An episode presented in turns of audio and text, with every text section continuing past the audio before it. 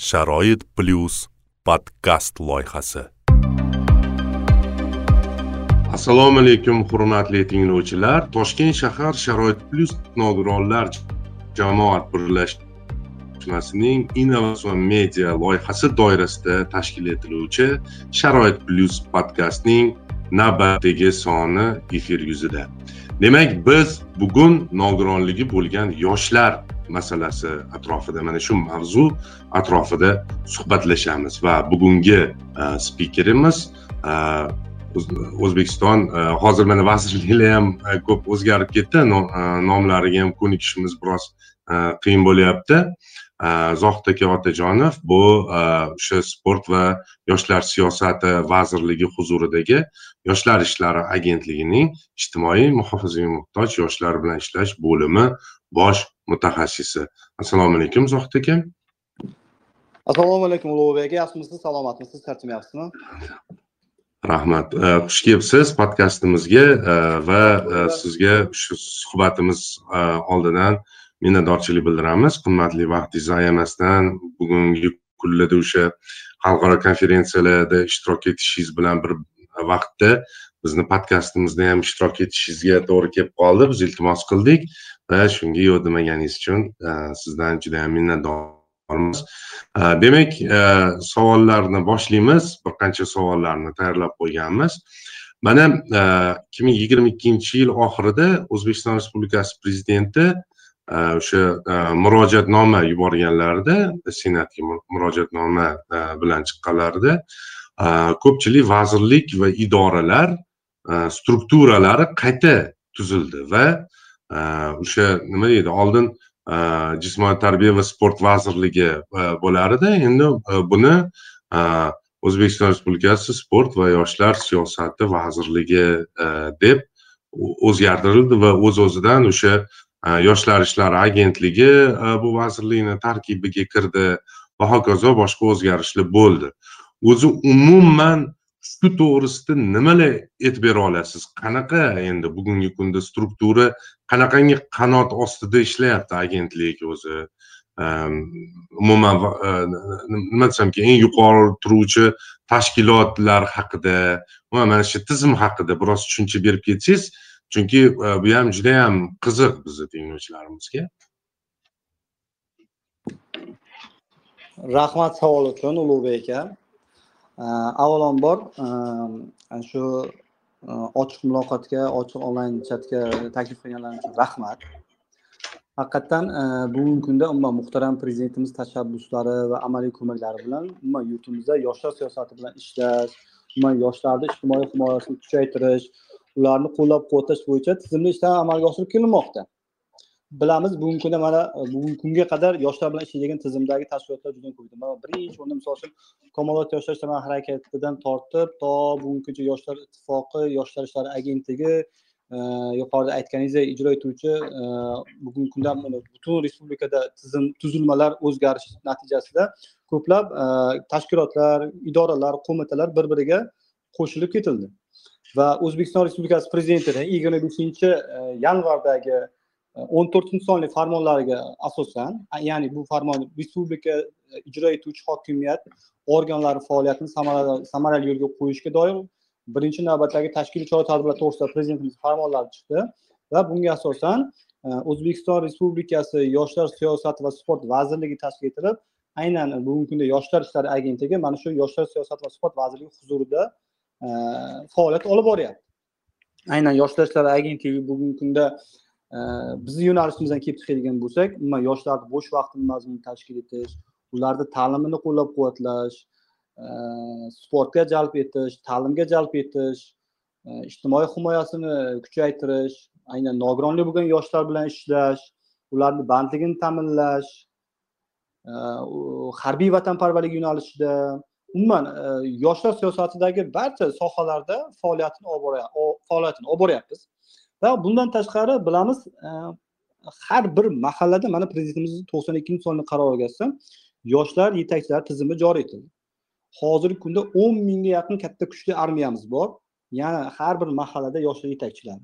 Aynan yoshlar yetakchilariga ham oldilariga qo'yilgan asosiy ustuvor vazifalari birinchi navbatda yoshlarni e, holdan xabar olish ularni o'rganish ularni qiziqishlari intilishlarini chuqur o'rganib chiqqan holatda yoshlar balansini ularga shakllantirish va ularni e, bo'sh vaqtlarini mazmun tashkil etish ish bilan ta'minlash shu shu e, mavzularga oid bugungi kunda mana salkam ikki yildan oshdi o'zlarini faoliyatlarini olib boryapti tizimli yo'lga qo'yildi to'g'ri joylarda baribir misol uchun bugungi kunga qadar yoshlar yetakchilar tomonidan e, ish faoliyatida bir xil kamchiliklarga yo'l qo'yilayotgan holatlar bo'lishi mumkin.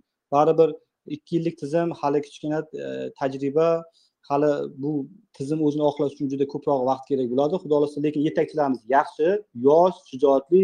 Birinchi biz yetakchilik lavozimlarini joriy qilganimizda e, davlat xizmatlari e, orqali ochiq portal orqali mana hujjat topshirgan qirq mingga yaqin salkam qirq besh mingga yaqin yoshlar yetakchisi bo'laman deb turib e, umuman mamlakatimizdagi butun respublikadagi yoshlar bo'yicha shu lavozimga hujjat topshirishgan.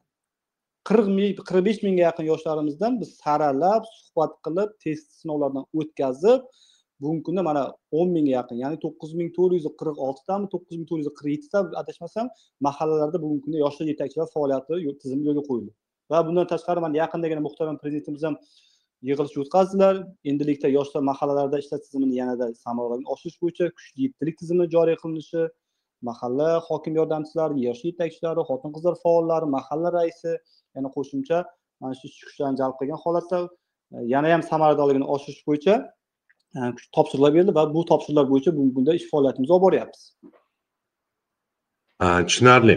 Zohidjon aka e, nima desam ekan tizim haqida yetarlicha ma'lumot berdingiz.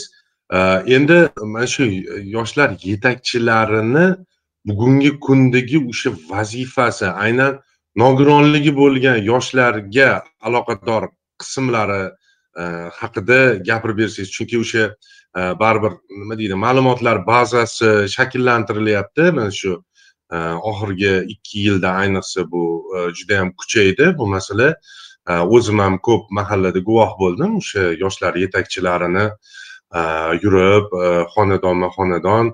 Ayniqsa haligi bitta gaplari juda yam yoqdi. Nol yoshdan o'ttiz yoshgacha bo'lgan yoshlarni ro'yxatga olyapmiz deyishdi. O'zimizni mana farzandlarimizni ham o'sha e, ro'yxatga olishgan e, shu yo'nalishda. Aynan nogironligi bo'lgan e, yoshlar bilan ishlashda nimalarga e'tibor qaratishi ularga uqtirilyapti va bizni nogironligi bo'lgan yoshlarimiz qaysi masalalarda ularni oldilariga borib yordam so'rashlari mumkin? Savolingiz uchun rahmat. Aynan mana shu yuqorida aytganimdek muhtaram prezidentimiz tashabbuslari bilan bugungi kunda yoshlar yetakchilariga yigirmadan ortiq imtiyoz vakolat berdi. Ya'ni bu yigirma besh turdagi imtiyozlardan foydalanishi mumkin yoshlar yetakchilarimiz. Ya'ni birinchi navbatda bu imtiyozlardan e, kimlar foydalanadi degan savol bo'ladi. Har bir yoshda har bir mana shu imtiyozdan foydalanmoqchi bo'lgan yoshni oldida qo'ygan birinchi savol shu bo'ladi. Aynan bunda yoshlar yetakchilarida yoshlar daftari tizimi bor.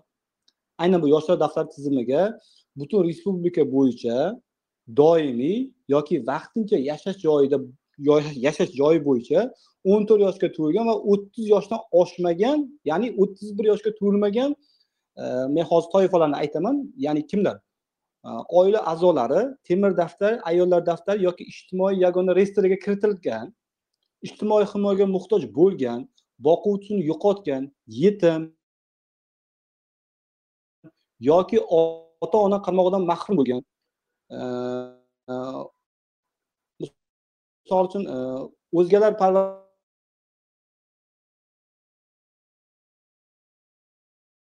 farzandida birinchi yoki ikkinchi guruh nogironligi bo'lgan jismoniy va ruhiy rivojlanishni nuqsoni bo'lganlar. Ota onasidan misol uchun ota onasida birida birinchi yoki ikkinchi guruh nogironligi bo'lgan ikkinchisida esa ish faoliyatini to'xtatgan holatda bemorga qarashga majbur bo'lgan yoxud e, ota onasidan e, har ikkisida ham misol uchun birinchi yoki ikkinchi guruh nogironligi bo'lganlar e, yuzaga kelgan holatlar sababli og'ir turmush sharoitida qolganlar mehribonlik uylari tarbiyalanuvchilari bitiruvchilari davolanishga muhtoj bo'lgan yoshlar misol uchun mana shunaqa toifadagi yoshlar biz belgilab olganmiz bu toifada yana ko'p. Mana shu toifadagi yoshlarimiz misol uchun e, yoshlar daftari jamg'armasidan misol uchun foydalanishlari mumkin. E, va bunda e, biz ular mana shu yoshlar daftariga kiritilgandan keyin misol uchun yoshlar daftari jamg'armasida aynan nimalardan imtiyozlardan foydalanish degan savollar bo'lishi mumkin. Hozir bir daqiqa misol uchun Э, moddiy ahvoli og'ir yoshlarga misol uchun biz bir martalik yordam ko'rsatishimiz mumkin. Э, davolanishga e, ehtiyoji bo'lgan yoshlarimizga misol uchun davolanish xarajatlarini qoplab berishimiz mumkin. Aynan yoshlar daftari jamg'armasidan. Э, misol uchun tadbirkorlik faoliyatini boshlamoqchi bo'lgan yoshlarimizga o'zini o'zini band qilish uchun yoki asbob uskuna olib mehnat qurollari xarid qilish uchun e, subsidiya ajratishimiz mumkin. E, yoki bo'lmasa professional yoki oliy ta'lim muassasalarida tashkilotlarda ta'lim olayotgan Э, yoshlarimiz bo'ladigan bo'lsa э, э, kontrakt to'lovlarining bir qismini qoplab berishimiz mumkin. Ijtimoiy himoyaga muhtoj e, iqtidorli yoshlarimiz bor bugungi kunda misol uchun. Ular ilm fanda sportda umuman san'at yo'nalishida madaniyat yo'nalishida misol uchun o'quv kurslariga bormoqchi bo'lsa biz o'quv kurslarini xarajatlarini qoplab berishimiz mumkin. Aynan mana shu o'quv kurslaridagi jarayonlardagi misol uchun sport musobaqalarida ishtirok etmoqchi bo'ladigan bo'lsa e, mamlakatimizda yoki xorijlardagi musobaqalarda ishtirok etmoqchi bo'ladigan bo'lsa e, biz e, agar e, mahalliy bosqichlardagi ishtirok etmoqchi bo'lsa umuman respublikamiz ichidagi xorazmdan qashqadaryoga namangandan misol uchun toshkent shahriga ishtirok etmoqchi bo'lsa biz baza hisoblash miqdorini to'rt barobargacha misol uchun yoshlar daftari jamg'armasidan qoplab berishimiz mumkin. Agar u xalqaro musobaqa qozog'iston qirg'iziston tojikiston rossiya xitoy yoki shunga o'xshagan xorijiy mamlakatlardagi musobaqalarda ishtirok etmoqchi bo'lsa biz bazaviy hisoblash miqdorining qirq barobargacha miqdorda misol uchun xarajatlarni qoplab berishimiz mumkin. Bu aynan bitta yo'nalish bo'yicha. Bundan tashqari bemor yoshlarimiz bor bugungi kunda. Aynan e, ularni turli operatsiya xarajatlari tibbiy ko'rik xarajatlari boshqa boshqa davolanish bilan bog'liq xarajatlarni ham biz Э, baza hisoblash miqdorining ellik baravarigacha miqdorda yoshlar daftari jamg'armasidan qoplab berishimiz mumkin. Bundan tashqari e, psixologik e, maslahatlar yangi turmush qurayotgan yoshlar uchun xonadonlar uchun qo'shimcha uy joy qurish uchun e, kafillik asosida subsidiyalar ajratilishi va hokazo va hokazo. Shunga o'xshagan yigirma besh turdagi imtiyozlarimiz mavjud. Bundan tashqari mana o'zbekiston respublikasi vazirlar mahkamasining uch yuz qirq sonli chiqqan. Aynan bunda nogironlik yoshlarimiz ijtimoiy faolligini oshirish e, aynan bunda nogiron bo'lgan shaxslarni har tomonlama qo'llab quvvatlash ularni bandiga ko'maklashish hamda ijtimoiy faolligini oshirishga oid e, tizimli vazifalar belgilab bergan. Aynan mana shu qarorga muvofiq biz bugungi kunda nogironlik bo'lgan yoshlarimizni e, o'qish yashash transport xarajatlarini qoplash uchun subsidiya ajratyapmiz. Bundan tashqari ularga asbob uskunalar va mehnat qurollari xarid qilish uchun ham subsidiya ajratyapmiz. Aynan bu kvotamiz e, bir yilda besh yuz nafargacha belgilangan. Mana e, o'tgan yili biz ikki ming yigirma ikkinchi yilda bu hukumat qarorini ijrosini ta'minlash maqsadida faoliyatni boshlagan bo'lsak mana bugungi kunga qadar biz besh yuz nafarga yaqin e, nogironligi bo'lgan yoshlarimizga subsidiyalarni ajratib mana yakunladik ikki ming yigirma uchinchi yilda. Yakunladik. Tushunarli. Rahmat zohid aka. Endi mana bir qancha yo'nalishlardagi imkoniyatlar haqida gapirib o'tdingiz. Deyarli o'sha manimcha yigirma beshtasini hammasini sanab o'tdingiz ham chamamda. Endi bu imkoniyatlardan foydalanish mexanizmlari ko'pincha ko'p qiziqtiradi bizni fuqarolarni. Qaysi yo'l ni tutib ular mana shu imkoniyatlardan foydalanishlari mumkin. Nimadan boshlashlari kerak va nimalarga e'tibor qaratishlari kerak bulardan foydalanayotganda? Ya'ni hujjat topshirishdan e, boshlaydigan bo'lsak masalan e, qayerga murojaat qiladilar mana shu hujjatlarni yo'naltirishga e, balki o'sha mahallalardagi yoshlar yetakchilari orqali bu hujjatlarni shakllantirishadimi? Э, yokida o'sha э, mahalla fuqarolar yig'ini э, raisi ya'ni kotibiyatiga hujjatlarni topshirishadimi yokida hozir mana e, judayam rivojlandi davlat xizmatlarini e, o'sha e, interaktiv portali deymiz mygov uz platformasi orqalimi? Nima qilishlari kerak o'zingizni shu tavsiyalaringiz bilan bahamlashsangiz rahmat. E, qisqacha javob beraman. E, birinchi o'rinda mana yuqorida aytgan toifalarimga agar shu toifalarga tushadigan bo'lsa o'sha fuqaro yosh fuqaro yosh fuqarolarimiz e, onlayn ariza topshirishi mumkin. O'n to'qson uch qisqa raqamlari orqali va o'zini mahallasida yashaydigan mahallasidagi yosh yetakchisi yosh yetakchisiga ariza berishlari mumkin. Yoki bo'lmasa e, yoshlar daftari oddiy o'zlarini telefonidan yoshlar daftari e, nuqta uz platformasidan ham onlayn ariza kirib onlayn ariza berishlari mumkin. Va arizalar bosqichma bosqich sxema asosida o'zi ko'rib chiqadi ariza beruvchini misol uchun agar birgina misol uchun to'lov kontrakt haqida hisoblaydigan bo'lsak to'lov kontrakt beruvchi ariza beruvchi e, yoshlar daftari orqali yoki mahallaga yosh yetakchisiga borib uchrashgan orqali ariza yuboradi aynan arizasini misol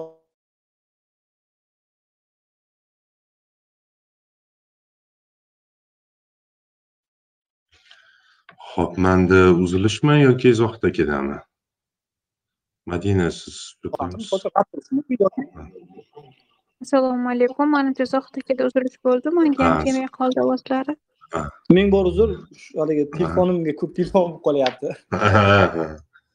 Bo'ldi bo'ldi. Ho'p ho'p davom etamiz. mahalladagi yoshlar yetakchisiga ariza qoldiradi uchta uchta yo'nalish bo'yicha. Yoshlar yetakchisi arizani ko'rib chiqib rad qilish yoki e, tavsiya berish uchun e, ko'rib chiqadi. Va qaysi yo'nalish bo'yicha yuqoridagi e, imtiyozlardan foydalangan bo'lsa qaysi yo'nalish bo'yicha ariza bergan bo'lsa tartib bo'yicha xuddi murojaatni murojaatini o'rganib chiqib vasiylik kengashiga taklifini kiritib unga misol uchun o'sha moddiy qo'llab quvvatlov yoki moddiy qo'llash maqsadga muvofiq emasligini bo'yicha o'sha fuqaroga xabarnoma jo'natgan holatda amalga oshiriladi.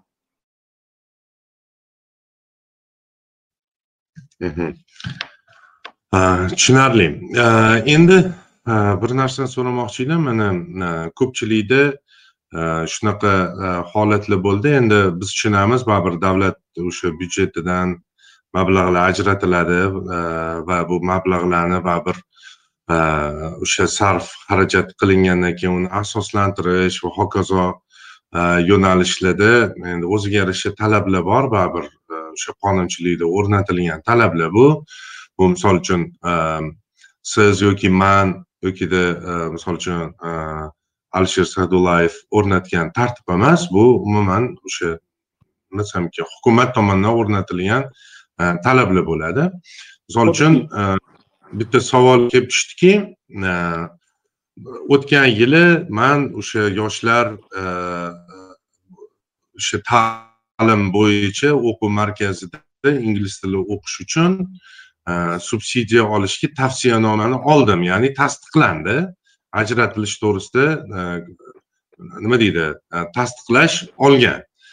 Lekin uni o'sha rasmiylashtirayotganda qandaydir talablar sababli ko'pgina o'quv markazlari nimagadir rad javobini beryapti. Ya'ni biz buni subsidiya orqali anaqa qilolmaymiz u yerda juda hisobot jarayonlari judayam qiyin. Keyin biz u yerda har uch kunda hisobotlar topshirishimiz kerak va hokazo hokazo shunga o'xshagan vajlarni keltirib o'sha nima desam ekan. Subsidiya ajratilish jarayonlarida ozgina bir to'siqlar ham kuzatilyaptida endi. Mana shunaqa holatlarda nima qilishlari mumkin bu nogironligi bo'lgan yoshlarimiz masalan mana shu e, ta'lim uchun ajratilgan subsidiyalarni e, olish uchun yokida mana shu mexanizm ishlashi uchun nimalarga e'tibor berishsin yokida qanaqadir bir e, ishonch raqami bormi? O'sha raqamga ariza qoldirishlari kerakmi? Qanaqa bo'ladi bu jarayonlar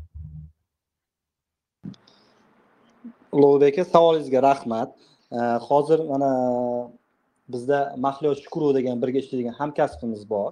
Aynan mana shu nogironlik bo'lgan yoshlarga e, o'quv xarajatlari asbob uskuna xarajatlari bo'yicha subsidiya bo'yicha tizim yo'nalishi bo'yicha ishlaydilar.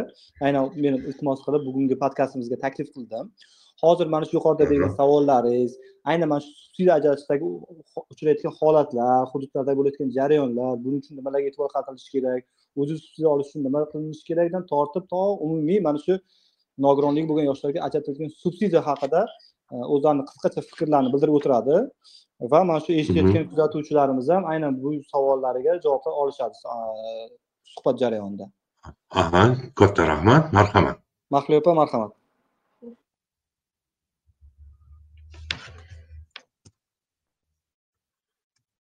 Ho'p ularga manimcha mikrofonni yoqib berishimiz kerakmi?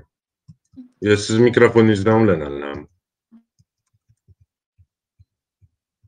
agar mikrofonni yopib qo'ysangiz ham yaxshi bo'lardi.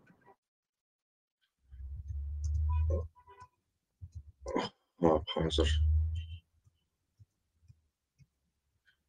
Hop man hozir ularni qarayapman ismlarini ko'rmayapman nimaga ulug'bek aka bo'ldi mana ho'p rahmat ulug'bek aka aziz yoshlar bizani eshitib turganlar.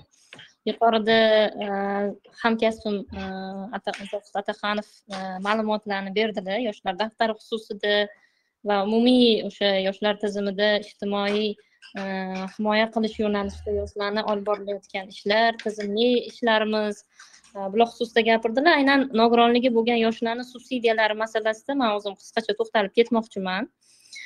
Yuqorida bildirilgan fikrlarga qo'shimcha ravishda o'sha ma'lumot berdilar yana qo'shimcha fikrlar aytmoqchiman. Yoshlar daftari tizimi haqida o'sha yigirma beshta turdagi imtiyozlardan foydalanish uchun arizani qoldirishni o'sha uchta yo'li haqida aytdilar. Birinchisi o'sha o'n to'qson uch qisqa raqamiga telefon qilib qoldirishlari mumkin yoki yoshlar daftari nuqta uz platformaga kirib o'zlari ariza qoldirishlari mumkin uchinchi yo'li bu yoshlar yetakchisiga uchrashib shu yoshlar daftariga ariza qoldirmoqchiman desa yoshlar yetakchisi mahalladagi yoshlar yetakchisi bevosita uni ariza qoldirishiga yordam beradi va bu uchta yo'ldan qaysi biri unga qulay bo'lsa qaysi biri unga ma'qul bo'lsa shundan foydalanish mumkin degani va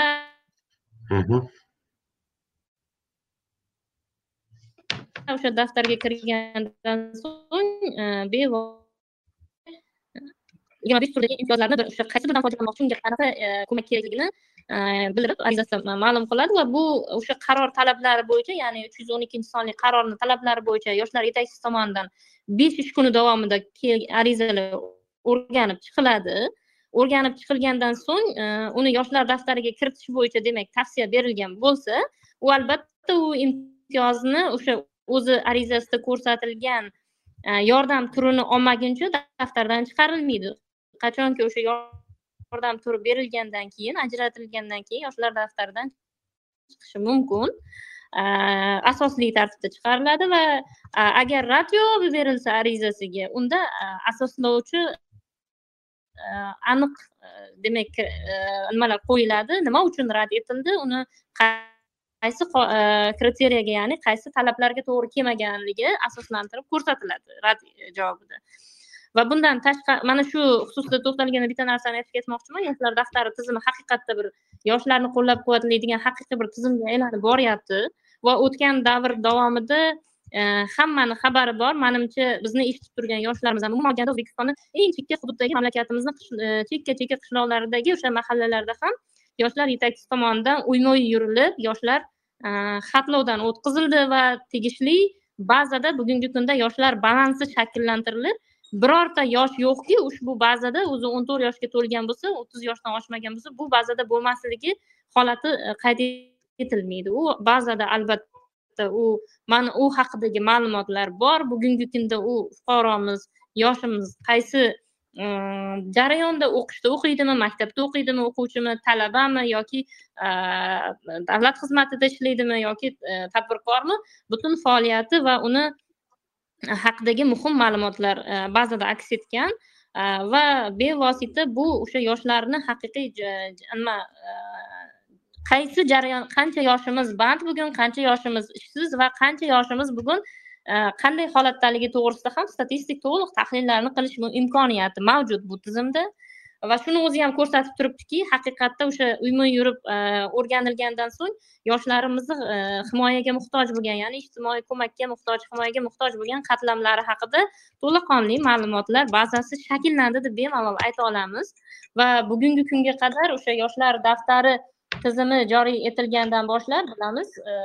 Ko'plab o'sha e, yordam turlari e, birinchi o'sha yigirma beshta emas edi bu o'sha e, beshdan ortiq yordam turlaridan boshlangan bo'lsa bugungi kunga kelib bu yordam turlari yigirma beshtaga yetdi.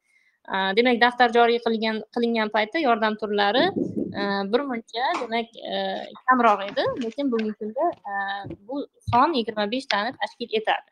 Va bu xususida to'xtalganda bir e, aniq e, sonlarga man to'xtalib o'tmoqchiman. Sababi e, yoshlar daftari orqali o'zi qancha yosh bugungacha yordam oldi deganda bu yoshlarimiz uchun ma'lumot tarzida bir ma'lumot sifatida aytib o'tmoqchimanki o'tgan davr mobaynida shu yaratilgan E, imkoniyatlardan foydalanish uchun bir million e, bir yuz ming yoshlarimiz yoshlar daftariga kiritilgan e, bugunga qadar tizimga va ular e, ularga o'sha jamg'armani mablag'lari asosida ya'ni joylardagi yoshlar daftari jamg'armalaridan bir trilliondan ortiq e, demak ko'maklar ko'rsatilgan. Birgina mana shu ikki ming yigirma uchinchi yilni o'zi mana to'qqiz oy davomida uch yuz ellik besh mingta yoshlarimiz yoshlar daftariga kiritilgan bo'lib ularni ikki yuz ellik mingtasiga amaliy ko'mak berilgan. Bu degani man yuqorida qayd o'tib qayd etdimki o'sha yoshlar daftariga tavsiya etildimi? U yordam ko'rsatilmasdan bu yoshlar daftaridan chiqarib yubormaydi. Ma'lum bir man e, bir o'sha yordam turini e, oladi u masalan kontrakt.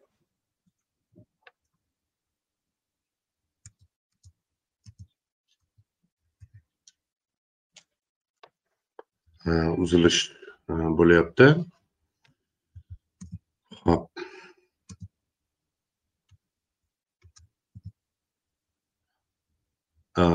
ta'lim muassasasidagi e, demak o'qiyotganda e, talabalikka qabul qilingandan so'ng shartnoma to'lovlari foizgacha eshitilyaptimi? Biroz aloqa sifati yomon bo'lyapti. Ozgina bir aha aha eshitilyapti marhamat.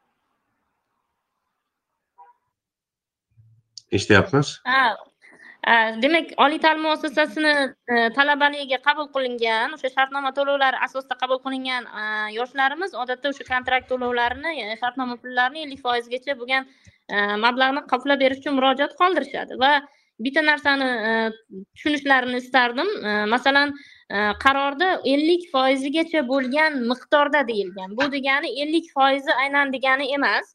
U yoshlar daftari jamg'armasi hududdagi byudjetdan tashqari shakllangan mablag'larni evaziga shakllanadi har bir tumanda va ular o'zini o'sha jamg'arma mablag'laridan kelib chiqib turib ellik foizigacha bo'lgan qismini masalan kimgadir yigirma foizini kimgadir o'ttiz foizini kimgadir ellik foizini masalan mod e, imkoniyatdan kelib chiqib turib qoplab berish choralarini ko'radi. Va bevosita bu ham o'sha e, bitta bir mexanizmni tushuntirish uchun aytyapman. Va bundan tashqari o'sha nogironligi bo'lgan yoshlarimizni biz yuqorida aytdik. Yoshlar daftariga birinchi ikkinchi guruh nogironligi bo'lgan yoshlarimiz e, kirishlari mumkin ijtimoiy himoyaga muhtoj bo'lgan. Va undan undan tashqari mana yuqorida zohidjon hamkasbimiz aytib ketdilar e, ikki ming yigirma ikkinchi yil yigirma birinchi iyunda e, vazirlar mahkamasining e, uch yuz qirq birinchi sonli qarori qabul qilingan. Ushbu qarorga asosan ikkita yo'nalishda davlat xizmatini yuritish yoshlar agentligiga yuklatilgan va yoshlar agentligi bugungi kunda ushbu davlat xizmatlarini yuritib kelyapti. Va yuqoridagi ikkita yo'nalish haqida man qisqacha to'xtalib o'taman. Ya'ni nogironligi bo'lgan yoshlarimiz e, nodavlat ta'lim muassasalarida e, qarorda belgilangan xorijiy tillarga umumta'lim fanlari va zamonaviy kasblarga o'qish uchun asosiy e'tibor bu qarorda zamonaviy kasblarga nogironligi bo'lgan yoshlarimizni o'qitishga qaratilgan. Shu orqali ularni bandligini ta'minlash masalasi ko'zda tutilgan. Shu zamonaviy kasblarga o'qish e, uchun davlat xizmatidan foydalanish maqsadida ariza qoldirishlari mumkin elektron tarzda. Bu davlat xizmatlarini rivojlantirish joylarda bilamiz har bir tumanda hududda e, davlat xizmatlari markazlari bor. Arizalarni davlat xizmatlari markazlari orqali topshirishlari mumkin yoki o'zi o'zlari e, elektron yagona interaktiv davlat xizmatlari portaliga kirib elektron ariza qoldirishlari mumkin bo'ladi. Mana shu arizalar qoldirilganda arizalar qaror talablari asosida ko'rib chiqiladi. E, va ko'rib chiqilgandan keyingi tavsiya etilganligi haqida xabarnoma borsa bu o'sha arizasida ko'rsatilgan o'quv markazidagina o'qish uchun shartnoma qilishi mumkin bo'ladi. Sababiki man bunga salgina chuqurroq to'xtalmoqchiman. Sababi ko'pchilik e, buni yoshlar daftaridan farqli tomoni ushbu yo'nalishda ariza topshirganda u arizasida o'quv markazini e, stir kodlarini kiritadi stir raqamlarini va shu stir raqami orqali o'quv markazini o'qitish uchun vakolatlari mavjud yoki mavjud emasligi maxsus bazalardan aniqlanadi. Shundan kelib chiqib turib ularga tavsiya beriladi.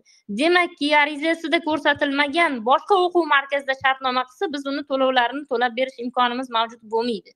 Faqatgina arizada ko'rsatilgan o'sha arizasida e, ko'rsatgan o'quv markazi uchun arizasi tasdiqlangan bo'lsa shu o'quv markazi bilangina shartnoma qilishlari mumkin va shunga asosan to'lovlar amalga oshiriladi.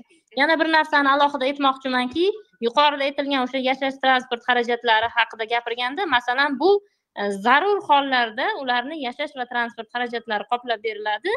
E, u ham bo'lsa nogironligi bo'lgan yoshimiz masalan e, xorazm viloyatidan toshkent shahriga kelib toshkent shahridagi bir o'quv markazida ya'ni aytaylik birorta o'sha arizasida ko'rsatilgan tasdiqlangan Э, toshkent shahrida joylashgan o'quv markazida o'qisa u o'sha yashash transporti e, yashash yoki transport xarajati uchun ham ariza qoldirishi mumkin. Bunda o'sha ijara shartnomalarini ilova qiladi qaror talablariga to'g'ri kelsa tasdiqlansagina biz uni to'lab beramiz va bitta narsani yana alohida aytmoqchiman bu yerda yashash va transport xarajati o'qish xarajati bilan birgalikda bazaviy hisoblash miqdorining ellik baravarigacha qayd etilgan. Shuni inobatga olinishi e, olishlari kerak. Masalan o'qish xarajatlarini o'zi agar e, summasi e, o'sha ellik baravariga to'g'ri kelib turgan bo'lsa u yashash xarajatlarini olish imkoniga ega bo'lmaydi. Hmm. bu ikkalasi birgalikda ellik baravargacha deb qayd etib ketilgan qarorda. Buni endi ko'pchilik balkim tushunmay qolmasin deb man ochiqroq to'g'riroq tushuntiryapman va keyingi imtiyozimiz xuddi shu qaror bo'yicha asbob uskuna va mehnat qurollari olish mumkin. Buning uchun qarorda belgilangan kriteriyalar bor. Ya'ni kriteriyalar deganda o'sha e, asbob uskuna masalan so'rayotgan yo'nalish masalan manga kompyuter kerak bo'ladigan bo'lsa shu kompyuter yo'nalishida man qanaqa nima uchun so'rayapman uni? Odatda bu asbob uskunalar kimga olib beriladi? Nogironligi bo'lgan yosh o'zini o'zi band qilib yoki tadbirkorlik faoliyatini yo'lga qo'yib shu yo'nalishda faoliyatini boshlagan va unga biz asbob uskuna olib bersak shu faoliyatini rivojlantirish uchun xizmat qiladigan bo'lishi kerak. Bu maqsadli bo'lishi kerak. Maqsadli deganim uni olib e, xohlagancha istagancha o'zini faoliyat nimaga shug'ullanolmaydi e, nima deydi? E, o'zini istagan faqatgina kino ko'rib o'tirish uchun yoki Э, qayerdadir bir э, просто o'zini э, shaxsiy ishlarini bajarish uchun bu nimadan subsidiyadan foydalanish imkoni mavjud emas. Bu olingan asbob uskunalar albatta maqsadli ishlatilishi kerak. O'sha o'zini o'zi band qilgan hujjatini ilova qiladi arizada yoki tadbirkor sifatida davlat ro'yxatidan o'tgan hujjatini ilova qiladi. Shu yo'nalishda u faoliyat yuritishi kerak.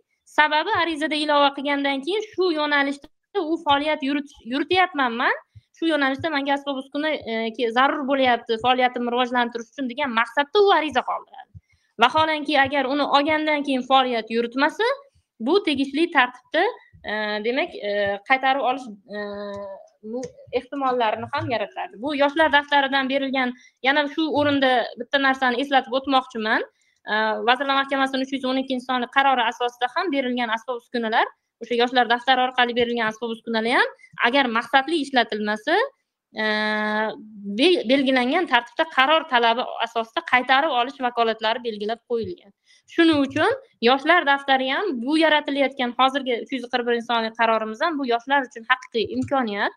Faqat undan olib foydalanib maqsadli ishlatishlari talab etiladi. Va albatta asbob uskuna olish uchun u mutaxassis bo'lishi kerak. Ya'ni e, o'sha aytaylik sartaroshlik asbob uskunasini olish uchun sartaroshlik yo'nalishida o'qiganligini tasdiqlovchi hujjati bo'lishi kerak va shu yo'nalishda yo tadbirkor yoki o'zini o'zi band qilgan e, shaxs bo'lishi kerak shu yo'nalishda faoliyat yuritib turgan bo'lishi kerak va shu yo'nalishda biz asbob uskuna olib bera olamiz. Man shu o'rinda qolganlarga namuna bo'lish uchun misol tariqasida aytib o'tmoqchiman Э, masalan mana э, xorazm viloyatidan э, sarvarbek ismli fuqaromiz bor bizni shovot tumanidan. Bu yerda balki uni taniydiganlar bordir balkim o'zi ishtirok etyaptimi yo'qmi bilmayman. Sarvarbek o'tgan yili o'sha sartaroshlik yo'nalishi bo'yicha o'qigan mutaxassislikni egallagan qo'lida sertifikati bor va bizga murojaat qildi u. Sartaroshlik yo'nalishi bo'yicha o'zini o'zi band qilib asbob uskunalar so'ragan va unga biz asbob uskunalar xarid qilib berganmiz. Bugungi kunda ushbu fuqaromiz bir oyda o'rtacha olti million daromad topyapti. U sarvarbek shu kungacha o'sha subsidiya olgunga qadar ishsiz e, yoshlar qatorida bo'lgan. Hech qayerda ishlamagan hech qayerda ishlash imkoni ega bo'lmagan. Faqat o'qigan qo'lida sertifikati bor lekin ish faoliyati yuritmagan. Va bugungi kunda biz bemalol ayta olamiz o'zini oqlayapti. O'sha olib subsidiyadan olib foydalanayotgan yoshlarimiz natijalari yomon emas. Bugun e, viloyatda o'sha tumanda o'zini mahallasida sartaroshxona ochgan va e, o'rtacha bir oyda olti million so'm bir kunda bir yuz ellik ming ikki yuz ming atrofida daromad qilayotganligini e, ta'kidladi. Biz doimiy bularni faoliyatini monitoring qilib turamiz. Hozirgi kunda e, o'tgan ikki yil davomida berilgan subsidiyalarni qayta monitoringini boshlaganmiz. Kim qanday holatda foydalanib turibdi maqsadli ishlatilyaptimi ishlatilmayaptimi? Bu albatta nazoratda bo'ladi. Shuning uchun e, bu olib umuman ishlatmasdan turish e, mumkin emas. Bu asbob uskunalarni e, albatta maqsadli bo'lishi kerak. Va xuddi shunaqa misollardan bittasi mana e, navoiy viloyatidan karmanadan yana bitta yigitimiz muxtorbek ham o'tgan e, yili asbob uskuna xarid qilishni so'rab bizga murojaat qilgan ishlab chiqaradigan uskuna. Biz unga e, ushbu uskunani xarid qilib berdik. Haqiqatdan talablarga mutaxassisligi ham to'g'ri kelgani uchun o'zini o'zi band qilgan yo'nalishi ham mos kelgan. Qaror talablari bo'yicha hech qanday uni e, taqiqlaydigan normalar yo'qligi yo'q e, va shunga mos kelgani uchun tavsiya etilgan. Bu fuqaromizga ham xuddi shu asbob uskuna xarid qilib berilgandan so'ng faoliyat boshlaganlar. Hozir bir oyda e, bir kunda o'rtacha uch yuz ellik ming to'rt yuz ming daromad qilyapti. Bir oyda o'rtacha o'n million so'm daromad qilayotganliklarini biz monitoring natijasida aniqlab boryapmiz. Bu deganimki o'sha muxtor muxtorbek ham shu davrga qadar ishsiz fuqarolar qatorida bo'lgan nogironligi bor va bitta narsani man ma'lumot uchun aytmoqchimanki bizni eshitib turgan yoshlarimiz albatta davlat bergan hukumat berayotgan bu imkoniyatlardan to'g'ri foydalanish kerak. Agar uni olib ishlatmasangiz uni olib foydalanmasangiz ertaga qaytarib olib qo'yilgandan keyin hech nima qilish imkoniyati bo'lmaydi. Birinchidan. Ikkinchidan olib maqsadli foydalansangiz hech qanaqa daromadi yo'q. Odamlar bugun mana shuncha daromad qilayotganligini man ma'lumot sifatida aytyapman.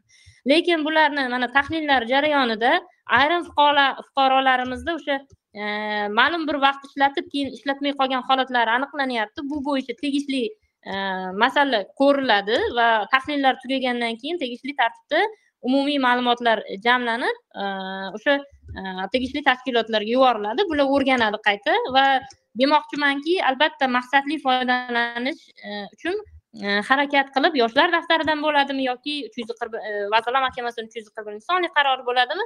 Olgandan keyin ham olish uchun ham albatta qo'yilgan maqsad bo'yicha harakat qilish kerakligini oldin o'zi o'ylab shunga tayyormi shuni qila oladimi shu yo'nalishda faoliyat yuritishga ko'zi yetsa shu yo'nalishda demak o'qish kerak shu yo'nalishda e, demak asbob uskuna so'rashi mumkin bo'ladi.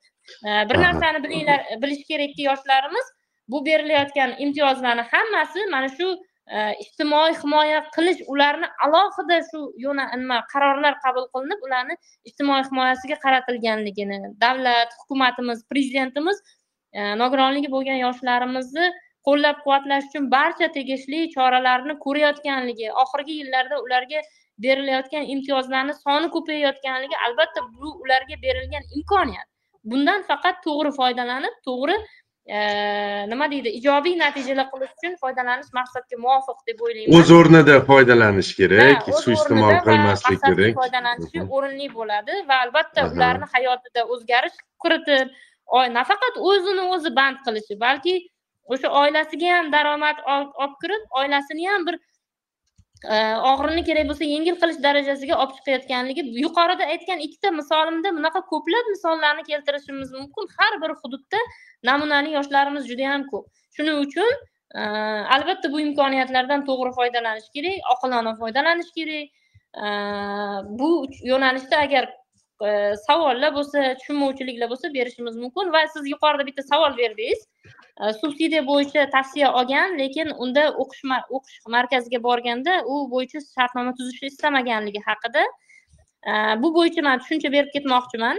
Yoshlar daftari haqida ham э, yoshlar daftarida bilamiz e, kasbga o'qitish o'sha kelajak kasblar loyihamiz doirasida alohida yo'lga qo'yilgan. Bu bo'yicha ular ariza qoldirayotgan paytda biz bilan kelishuv qilgan e, bizni hamma talablarimizga to'la mos kelgan o'quv markazlari bazaga kiritilgan. Har tomonlama qaror talabiga mos kelgan ulardan birini tanlaydilar va ular bilan shartnoma tuzib o'qishini boshlashida muammo bo'lmaydi. Lekin e, bu qaror bo'yicha ya'ni vazirlar mahkamasini uch yuz qirq birinchi sonli qarori bo'yicha nodavlat ta'lim muassasasini tanlash huquqi fuqaroni o'ziga qoldirilgan o'zi xohlagan o'quv muassasasini tanlashi mumkin. Bu deganiki xohlasa toshkent shahridagi e, o'ziga qulay masalan u grafik dizayn kursida o'qimoqchi ya'ni najot ta'lim o'quv markazida yoki kompyuter dasturlash yo'nalishida u pdp e, o'quv markazida o'qimoqchi. U o'zini xohishi u. Arizada shu o'quv markazlarini belgilaydi. Belgilashdan oldin albatta o'quv markazlar bilan e, gaplashib ular bilan shu kurs haqida ma'lumotga ega bo'lib uni masalan nogironligi bo'lgan yoshlarimizni ham toifalari bor. Har xil kimdadir ko'rishda nuqsoni e, o'sha nogironligi bor yoki kimdadir tayanch harakatda. Lekin o'sha e, o'quv markazlarini imkoniyati bormi uni o'qitishga degan savolni u albatta javobini olishi kerak. Ko'pchilik o'quvchilarimiz so'ramasdan o'quv markazlari bilan hech qanday kontakt o'rnatmasdan ular bilan bog'lanmasdan turib arizaga belgilab yuborishadida. Keyin o'quv markaz ertaga tasdiqlangandan keyin bu elektron tizim. Uni arizasi kriteriyalarga mos kelsa biz отказ qilish imkoniyati mavjud emas. To'g'ridan to'g'ri tasdiqlanadi. Tasdiqlangandan keyin o'quv markazi o'qitishni istamasa yoki unda sharoit yo'qligi yoki u buni e, o'sha yo'nalishda imkoniyat yo'qligini ta'kidlasa bunda boshqa imkoniyat yo'q. U fuqaro faqatgina qayta ariza qoldirishi mumkin. Ya'ni birinchi arizasini отказ qilib o'zini o'zi bekor qilib qayta boshqa o'quv markazini tanlab ariza qoldirishi mumkin bo'ladi. O'sha o'n to'qson uch orqali qila oladimi bu ishlarni? Mana shu Yo'q. arizasini bekor qilib boshqatdan topshirish yo'q masalasi yo'q o'n to'qson uch orqali faqatgina yoshlar daftaridagi murojaatlarni demak tartibga solishda yordam olishlari mumkin uch yuz qirq birinchi sonli qaror bo'yicha ariza qoldirish tizimi man yuqorida aytdim. Ikkita yo'l orqali faqatgina yagona interaktiv davlat xizmatlari portali ya'ni mygov orqali o'zlari qoldirishlari mumkin. Ikkinchi yo'li esa e, o'ziga yaqin bo'lgan davlat xizmatlari markazlariga borib ariza qoldirishlari mumkin. Bu davlat xizmati tarzida tashkil etilganligi uchun ham hukumat portalini ichida murojaat e, qabul qilinadi va u to'g'ridan to'g'ri yoshlar agentligiga kelib tushadi murojaatlar. Agar bu Tushunarli. bo'yicha Kattakon- qo'shimcha bironta fuqaromizda tushunmovchilik bo'lsa e, yana qo'shimcha ma'lumotlar o'sha tegishli bizani e, kanallarimizdan e, ommaviy axborot vositalarida bilamiz hamma ijtimoiy tarmoqlarda ham bizani kanallarimiz faoliyat yuritadi ma'lumotlar beriladi. Bulardan olishlari mumkin. Yana qo'shimcha hozir savol bersalar unga nima qilishimiz mumkin bo'ladi javob berishimiz. Mhm, bo'ldi. Kattakon rahmat. Mhm. Kattakon rahmat eh, judayam keng qamrovli eh, javobingiz uchun Eh, biz biroz reglamentdan chetlashyapmiz va hozir man mikrofonni yoqib bermoqchiman. Bekzod bozorovga boya qo'llarini ko'targandilar o'sha paytda mikrofonlarni o'zi yoqib qo'ydim. Bemalol murojaatingiz bo'lsa bekzod marhamat. Assalomu alaykum. Va alaykum assalom bu kishi aytyapti nima edi? Yoshlar daftariga kirgan kirib anavi hamma joyga mumkin deyapti lekin menga o'zimga ish topib bermay mana yoshlar daftariga kirdim necha yoshsiz? Yoshingiz nechida sizni? Yigirma yigirma yettiga kirdim. Aha qayerdan aloqaga chiqyapsiz bizga? Qashqadaryo viloyati yakkabog' tumanidanman qashqadaryo viloyati yakkabog' tumanidan demak bekzod savol beryaptilar ish bo'yicha. jaychi mahalla.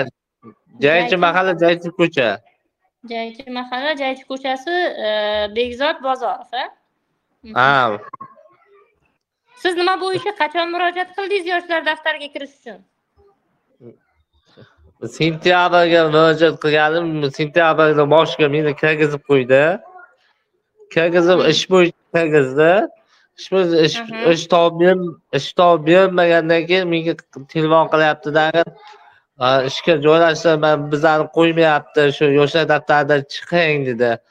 Nima uchun desam e, bizani anov bizani anov qilyapti bizani so- so'rayapti hammangni dedim keyin kirsam bo'ladimi dedim bo'ladi faqat dedi olti oydan keyin kirasiz dedi. Ho'p dedimdan chiqdim. Mhm. keyin undan undan keyin yana bordimda men o'zim anavi buxgalterni tugatganman. Undan oldin ham yoshlar daftariga kirmay turib anavi kompyuter so'raganman.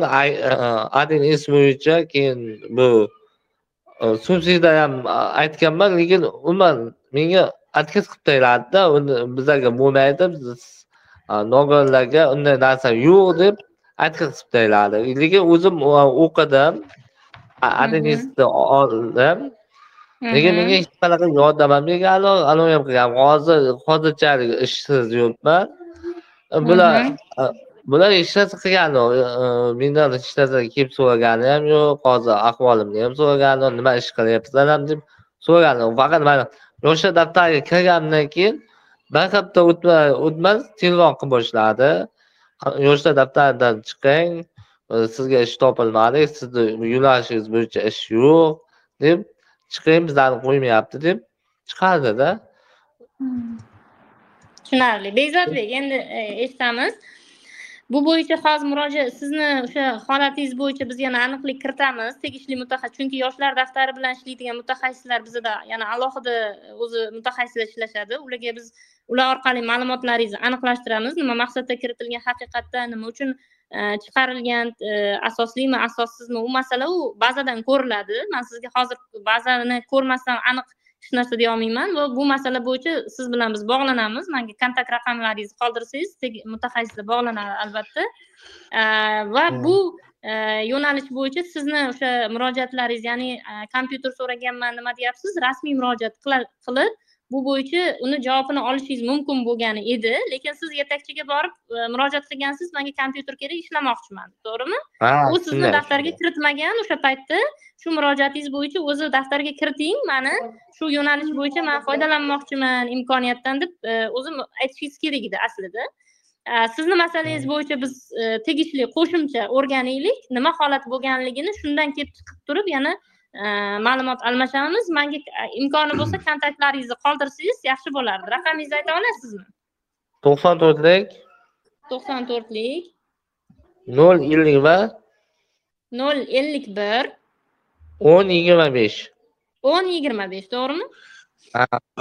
Shu yerda bitta ma'lumotni oydinlashtirib olmoqchi edim. Bekzod e, mahallangizni nomi jarchimi yo jaychimi? Jaychi deb jaychi. Jaychi ye bilan. to'g'rimi? Mhm. ha. Jaychi bo'ldi bo'ldi tushunarli.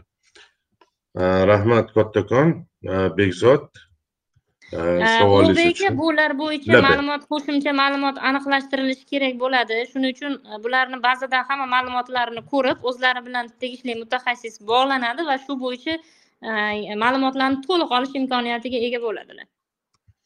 Ho'p demak man hozir akbarga mikrofonni yoqib berdim. Imkon qadar savollarni lo'ndaroq qisqaroq qilib berishga harakat qilinglar chunki e, vaqtimiz e, chegaralangan. Marhamat. Akbar. Alo assalomu alaykum. Vaalaykum assalom marhamat savolingizni bering qarang men toshkent davlat transport universitetini qo'shma ta'lim dasturi bo'yicha ikki plyus uch dasturi bo'yicha o'qishga kirganmanda nogironligingiz qanaqa nogironligingiz? Nogironligim ikkinchi guruh nogiron. Aha hop ikki plyus uch dastur bo'yicha kirganman shu ikki yil o'zbekistonda uch yil belarusiyada. O'sha kontrakt summasi sal balandroq ekanda shunga to'lashga e, yoshlar e, yetakchisiga murojaat qilsam kontrakt summamga yordam beradimi deb so'ramoqchi edim. Qaysi hududdansiz akbar? Sirdaryo viloyati to'liq aytingda sirdaryo viloyati qaysi tumandansiz? mahallangizni Sirdaryo ayting viloyati yangiobod tumani e, yangiobod tumanidanman mahallangiz Mahallangiz tinchlik mahallasi. Tinchlik mahalla fuqarolar yig'ini tinchlik tinchlik mahallasi. Tinchlik Mhm. mahallasi. Akbarbek siz bu bo'yicha yetakchiga murojaat qildingizmi yo'q yo'q qilganim yo'q shuni e, murojaat qilsam yordam berishadimi? deb man so'rayotgan akbarbek yuqorida hozir e, yuqorida bizniki hozir bizniki qo'shma ta'lim dasturi qo'shma ta'lim dasturi bo'yicha o'qitiladi. Ikki plyus uch dastur bo'yichada. Qarang e, akbarbek har qanday holatda ham siz yordamdan foydalanmoqchimisiz? Murojaat qolish e, qoldirish huquqi sizda mavjud siz murojaat mana yuqorida aytilgan uchta yo'ldan birini tanlab murojaat qoldirishingiz mumkin. Yetakchi orqali o'n to'qson uch telefon raqamiga qo'ng'iroq qilib yoki yoshlar daftari nuqta uz platformasiga kirib o'zingiz qoldirishingiz mumkin. Sizni murojaatingiz tegishliligi bo'yicha qaror bo'yicha ko'rib chiqiladi asoslantirilib agar rad qilinsa mana shu qarorni shu bandiga asosan kechirasiz shu to'g'ri kelmaganligi uchun отказ qilinyapti. Yoki mana shu qarorga mos bo'lsa sizga tavsiya berilgandan keyin tegishli tartibda to'lov qilinadi. Murojaat qoldirish huquqi erkin. Shuning uchun bu narsani e, bo'yicha yetakchiga to'g'ridan to'g'ri murojaat qilsangiz ham bo'ladi hozirgi kunda yoki o'sha e, yuqorida aytilgan boshqa imkoniyatlardan boshqa yo'l orqali ham murojaat qoldirishingiz mumkin bo'ladi.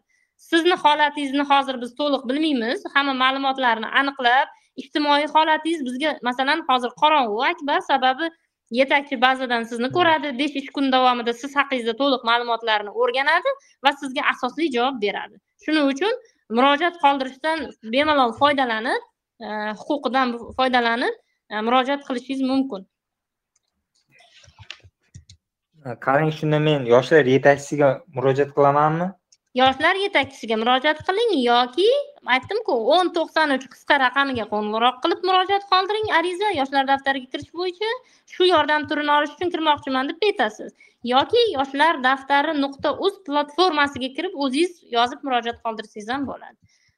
Sizga qaysi biri qulay bo'lsa qaysi bir imkoniyat sizga hozir e, foydalanishingizga nima bo'lsa e, qulaylik yaratsa o'shandan foydalaning.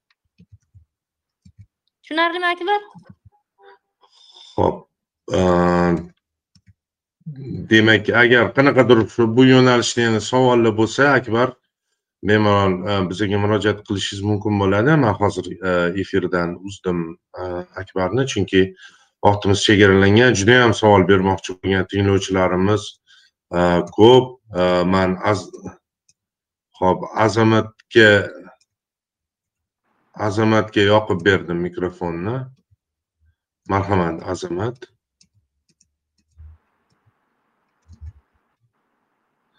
Azamat, marhamat. Assalomu alaykum. Assalomu alaykum. Marhamat, savolingizni bering. Men Ellikqal'a Qoraqalpog'iston Ellikqal'a tumanidanmanda. Tarbiyakor edimda. Nasihim bor edi. To'rt odamni ish bilan ta'minlab turdim. Ikkita ikkita nodiron, ikkita sog'lom. Lekin shu uni sababli Yoshingiz nechida? Yoshingiz, yoshingiz. yoshim 43 ta. Nima demoqchisiz endi savolingiz nimadan iborat?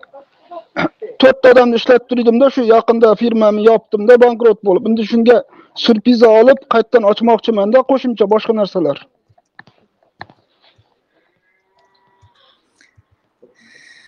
sizni masalangiz o'zingiz bo'yichami o'zingizga yordam so'rayapsizmi shunda uzilib qoldilar shekilli azamat aka. Azamat marhamat azamat aka marhamat. Mikrofoningiz yoq boshqatdan yoq. Shunga yordam so'rayapmanda surpriza chiqarib olmoqchimanda. Qarang azamat aka bu bo'yicha man sizga hozir qisqa lo'nda tushuntiray savolingiz tushunarli siz faoliyatingizni to'xtatgansiz ma'lum bir iqtisodiy e, sabablar va siz subsidiya olib shu faoliyatni yoki boshqa umuman faoliyat yo'lga qo'ymoqchisiz sizni e, yoshingiz qirq uchda aytdingiz. Biz yuqorida aytib ketdik e, o'n to'rt yoshga to'lgan o'ttiz yoshdan oshmagan yoshlarimiz e, yoshlar daftari imkoniyatlaridan va o'sha yuqorida qayd etgan qarorlarni imkoniyatlaridan foydalanishlari mumkin. Shu kriteriya o'sha imkoniyatdan foydalanish uchun talablar doirasiga to'g'ri kelsa hech qanday muammo bo'lmaydi. Lekin sizni yoshingiz qirq uchda bo'lganligi uchun bu imkoniyatlardan foydalanish imkoniyati mavjud emas. Buni to'g'ri tushunasiz degan umiddaman.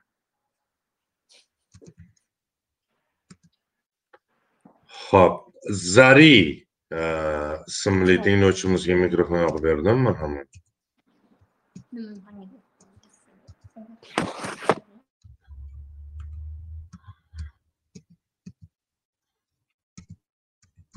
marhamat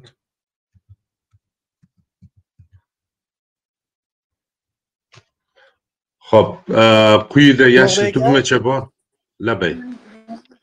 Ma'lumot uchun misol uchun guruh agar xabar qoldirishingiz mumkin. Bu hozirgi ovoz chatimizda har bir hudud qoraqalpog'iston respublikasi viloyatlarida toshkent shahridagi aynan nogironligi bo'lgan yoshlarimiz bilan ishlash yo'nalishidagi mas'ul inklyuziv ta'lim markazi mutaxassislari ham misol uchun eshitib turishibdi. Ular ham e, murojaatlarni yozib olib hammasini qaytib borishyapti agar mabodo ovoz chatga misol uchun ulanolmay qolgan aynan bu mavzu bilan bog'liq muammoli savollarga agar ehtiyoji bor yoshlarimiz bo'ladigan bo'lsa o'zini yashash hududidagi inklyuziv ta'lim markazidagi mutaxassislarga borib uchrashsa ham ular ham xuddi mana shu biz biz tomonimizdan beriladigan imtiyozlarni to'laqonli tushuntirib berishi mumkin chunki demoqchi bo'lganim o'n to'rtta hududda ham bizda ikki nafardan mutaxassislarimiz bor.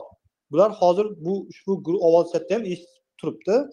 E, bularga bugungi ovoz chatdan keyin ham e, e, shu masalalar bo'yicha vazifalar beramiz.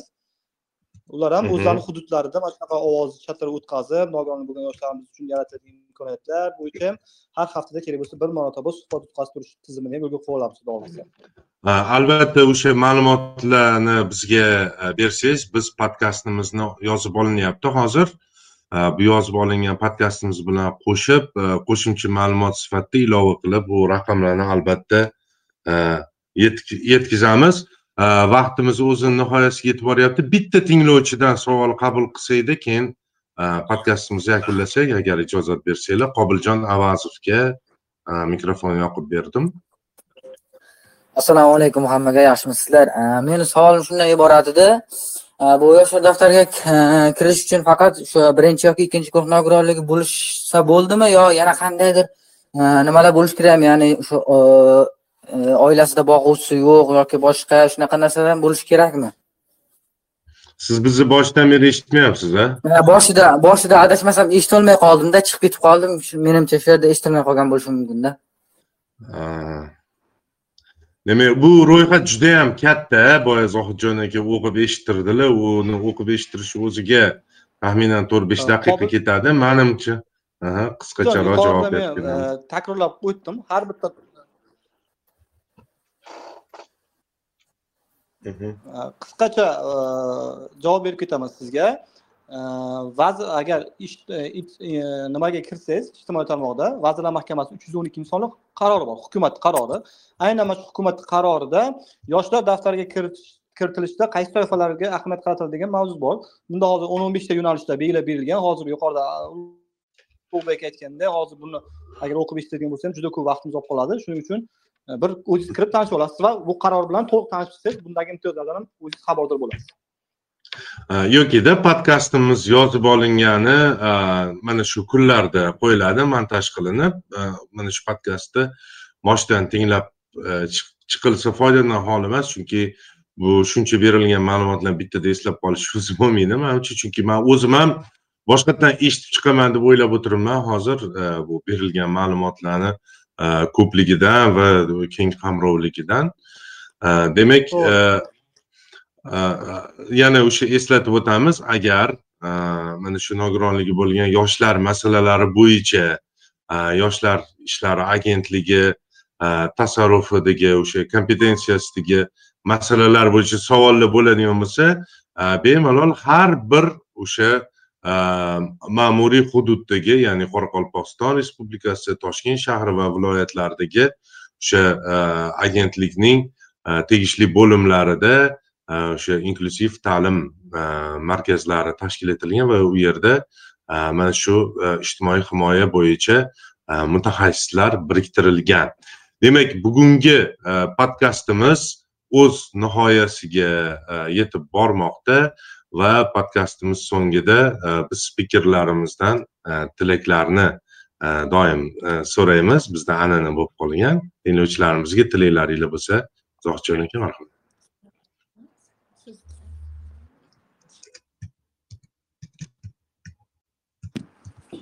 Rahmat ulug'bek aka. Sizlarga ham ming rahmat. Mana shunaqa chiroyli bir ovozli chat tizimini yo'lga qo'yganlaring uchun. Chunki bu narsani tizimini kanallaringizni ham. Anchadan beri kuzatib boraman va hamkorligimiz ham ancha yillar bo'lib qoldi. Bu ovoz chatlaringiz ham tizimli doimiy misol uchun har xil yo'nalishlarda podkastlar tayyorlab kelasizlar adashmasam ikki yil davomida mana shunaqa chiroyli podkast o'tkazib kelyapsizlar. Mana shunaqa tizimli loyihalaringni bilan loyihalangda ishlayotgan juda xursandman va e, kelgusida ham mana shunaqa hamkorlikda e, mana shunaqa yaxshi yaxshi loyihalarni siz bilan birgalikda amalga oshirishni e, tilab qolaman. Va biz mana shu amalga oshirayotgan ishlarimiz oqibatida qaysidir bir yoshlarga yordam ko'rsatib qaysidir bir yoshlarimizni to'g'ri hayotga qadam qo'yishiga bir erishayotgan bo'lsak qaysi bir yoshimizni hayotida bir katta bir o'zgarish kirita olgan bo'lsak biz shu biz o'zimizni shu maqsadimizga erishgan deb hisoblaymiz. Va sizlarga ham kattakon rahmat aytaman. Eshitib turgan barcha kuzatuvchilarga. Kattakon rahmat. Demak bugungi sharoit plyus podkast loyihamizni navbatdagi soni nogironligi bo'lgan yoshlarni ijtimoiy himoya qilish mavzusiga bag'ishlandi va suhbatimizni so'ngida man o'sha toshkent shahar sharoit plyus nogironlar jamoat birlashmasi e, va e, yoshlar ishlari agentligi o'rtasidagi hamkorlik haqida qisqacha e, ma'lumot berib ketmoqchi edim. Bu yil yoshlar ishlari agentligi bilan hamkorlikda ikkita judayam yirik loyihalar amalga oshirilyapti. Mana shu kunlarda o'sha ya'ni ko'rish bo'yicha nogironligi bo'lgan shaxslar orasida kitobxonlikni keng targ'ib etish maqsadida Э, kitob plyus э, loyihasi э, hozirda jarayonda ketyapti ishlanyapti. Ya'ni elektron e, audio e, kitoblar jamlanmasi bo'ladi. Mobil ilova e, hozirgi kunda o'sha mobil ilova ustida ishlanmoqda. Mutaxassislarimiz va mana shuni moliyalashtirishda yoshlar ishlari agentligi e, judayam katta o'zlarini hissalarini qo'shishyapti bu e, loyihaga o'zlarini shu mablag'larni e, ajratishyapti va media plyus kurslari tashkil etilgan mana ikkinchi oy davom etyapti.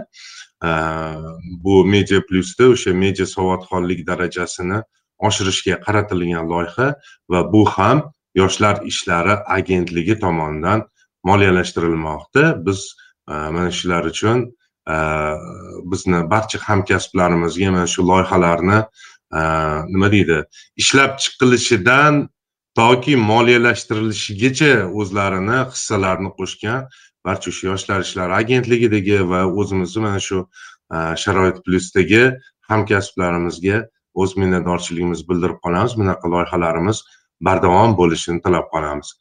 Demak rahmat rahmat ulug'bek aka.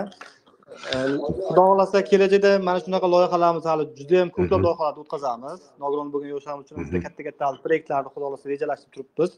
Agar ruxsat bersangiz ikki daqiqaga mahliyo shukurovani ham o'zini bir qisqacha fikri bor ekan. Marhamat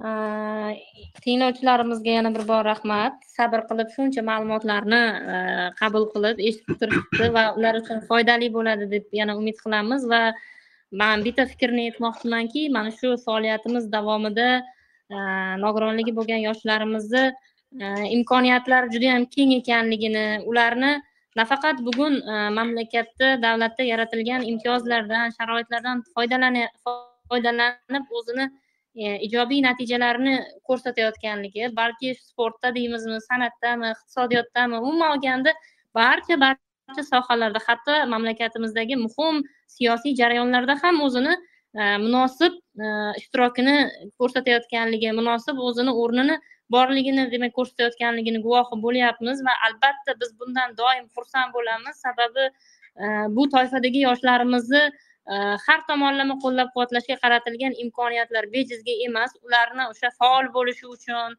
e, tengdoshlarini orasida teng huquqli imkoniyatlardan foydalanishi uchun e, o'zini munosib o'rnini jamiyatda topib ketishi uchun qilinayotgan sa'y harakatlar va bulardan e, ijobiy natija qilib o'zini to'g'ri foydalanib natijaga erishayotganligi bizni eng katta yutuqlarimizdan biri va bu yo'nalishda albatta biz doim Э, yoshlarimiz bilan birgamiz e, yonidamiz va e, bemalol qo'rqmasdan o'zini kuchiga o'zini salohiyatiga bilimiga ishonib harakat qilishlari mumkin. Faqat tegishli talab doirasida bo'lsa albatta bunda hech qanaqa mubolag'asiz muammosiz bu imkoniyatlardan foydalanishlari mumkin bo'ladi.